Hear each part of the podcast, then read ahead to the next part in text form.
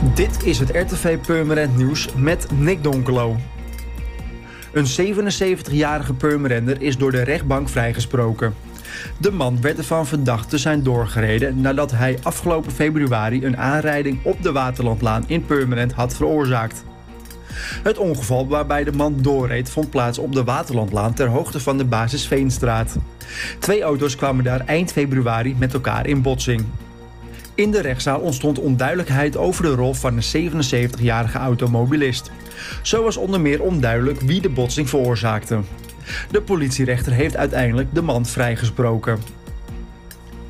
Door voorbereidende werkzaamheden aan het stadhuis is de hoofdentree voorlopig verplaatst naar de zijkant van het stadhuis, aan het Kremwinkelplantsoen. Er wordt binnenkort gebouwd aan een parkeergarage aan de voorkant van het gemeentehuis.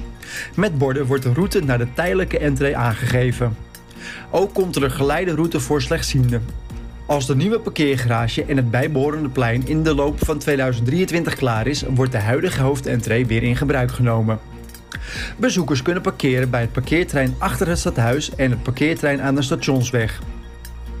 De straatprijs van de postcode loterij is gevallen in Purmerend. 16 bewoners van het Brunelhof in de Gors mogen 387.500 euro verdelen over de loten in de postcode. De winnende postcode is 1441 PG. De prijs wordt verdeeld op basis van het aantal loten in het desbetreffende deel van de straat. Drie winnaars hebben 2.500 euro gewonnen, 12 winnaars 25.000 euro en de kroon wordt gespannen door één winnaar die 50.000 euro op zijn bankrekening krijgt bijgeschreven. Onder de winnende loten is ook een auto verdeeld. Voor meer nieuws, kijk of luister natuurlijk naar RTV Purmerend, volg je onze socials of ga je naar onze website, dat is www.rtvpurmerend.nl.